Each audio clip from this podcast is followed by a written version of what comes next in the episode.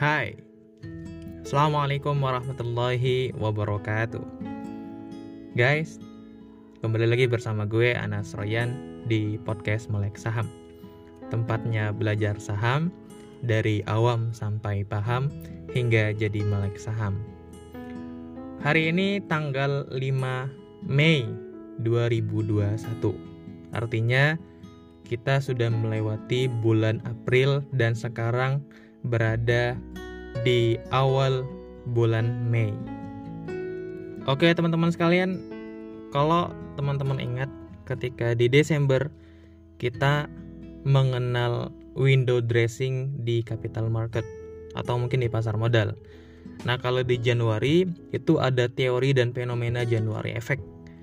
Nah, sedangkan di Mei, di Mei itu ternyata ada juga nih di Mei itu ada fenomena sekaligus teori sell in May and go away. Oke, nah pada episode kali ini kita pengen ngebahas lebih lanjut mengenai teori ini. Teori sekaligus fenomena sell in May and go away atau kalau disingkat SMGA. Itu ya. Jadi pada episode kali ini kita pengen ngebahas mulai dari definisi, kemudian sejarahnya, sampai kira-kira kita sebagai seorang investor, sebagai seorang trader dengan fenomena dan teori yang ada nih pada bulan hari pada bulan ini, pada bulan Mei, kira-kira apa yang bijaknya harus kita lakukan. Oke. Sesuai namanya sell and uh, sell in May and go away. Sebenarnya teori ini diambil sesuai dengan arti atau terjemahannya, yaitu menjual pada bulan Mei dan pergi untuk kemudian berlibur di liburan summer atau musim panas. Itu. Jadi secara singkat definisi dari sell in May and go away itu adalah adanya suatu budaya atau mungkin adanya suatu perilaku para investor saham, para trader saham pada saat bulan Mei dia menjualkan saham-sahamnya untuk kemudian pergi berlibur dan nantinya pada bulan November dia balik lagi untuk menginvestasikan uang yang dia punya.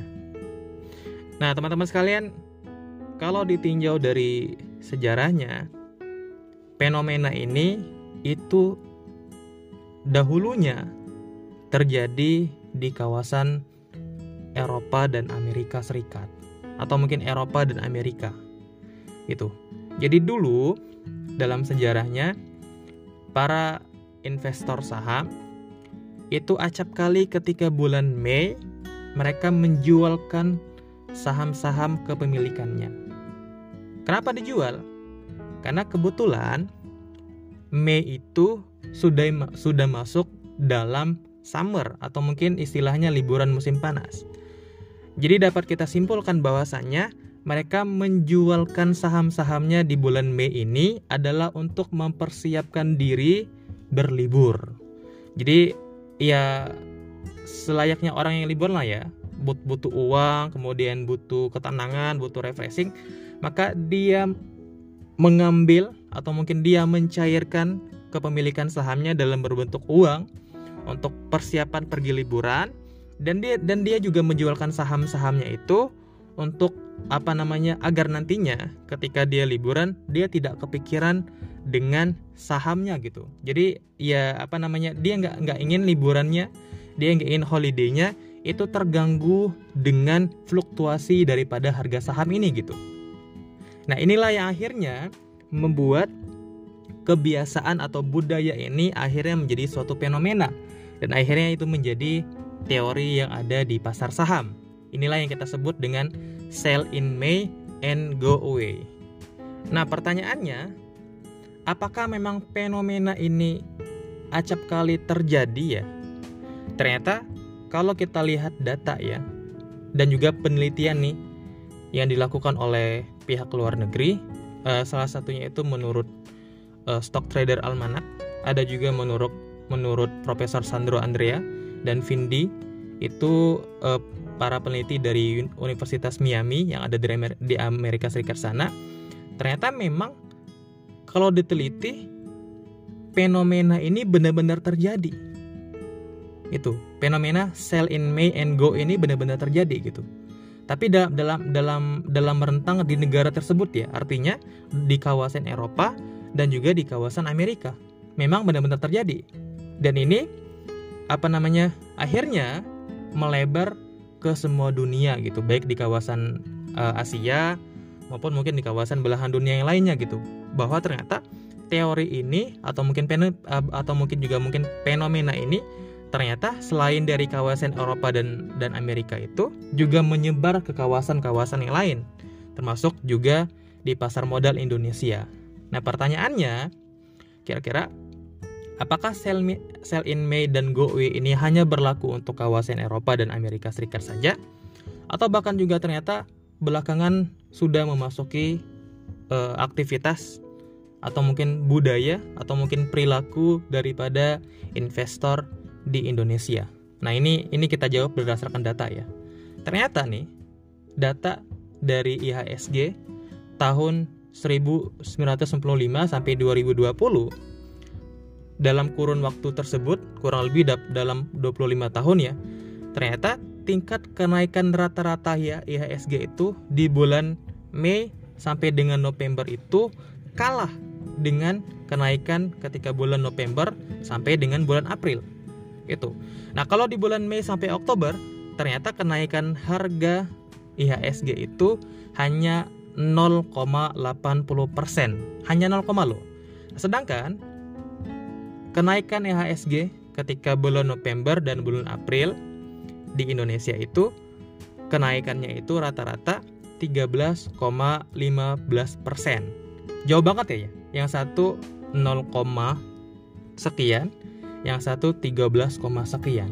Ini perbedaannya antara 0, dan 13. Berarti ada gap sekitar 13% di sini.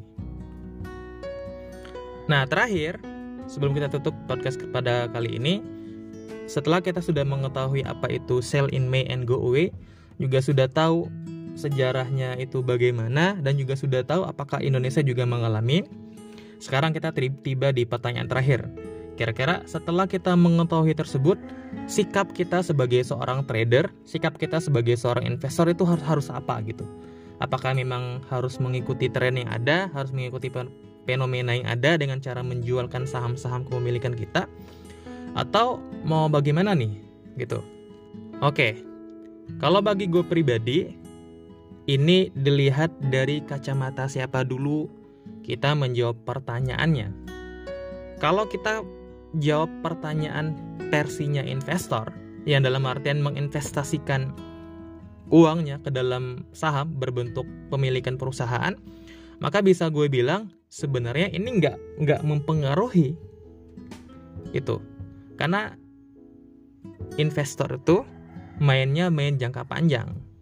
Dan dia juga apa namanya menabungkan mencicil uang-uangnya kemudian dalam berbentuk saham. Artinya dengan uh, dengan fenomena yang ada sebenarnya bukannya malah menjual kepemilikan sahamnya. Tapi menurut gue karena ketika harga sahamnya itu turun pada saat bulan Mei dan bulan uh, sampai bulan Agustus sampai bulan September artinya inilah kesempatan untuk dia bisa beli saham dengan harga yang lebih murah itu jadi ketika orang lain itu ngejual Nah, kan itu sahamnya jadi murah loh.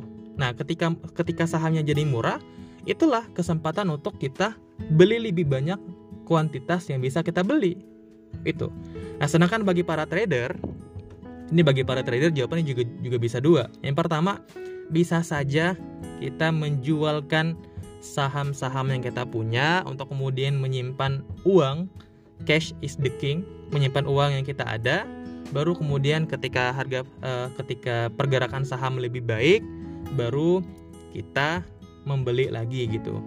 Atau sebenarnya yang kedua sebenarnya dalam harga rendah pun itu bagi seorang trader juga bisa memanfaatkannya gitu. Jadi ketika titik reses uh, ketika ri, titik resisten dan titik support sebenarnya ketika penurunan itu juga bisa juga bisa kita kita apa namanya kita manfaatkan gitu ya tinggal lagi bagaimana kita melalui ataupun melakukannya. Ini tergantung dengan profesional dan tingkat skill sebagai seorang trader gitu dalam membaca candlestick dan juga menganalisa pergerakan saham secara teknikal pada saat trennya sekarang.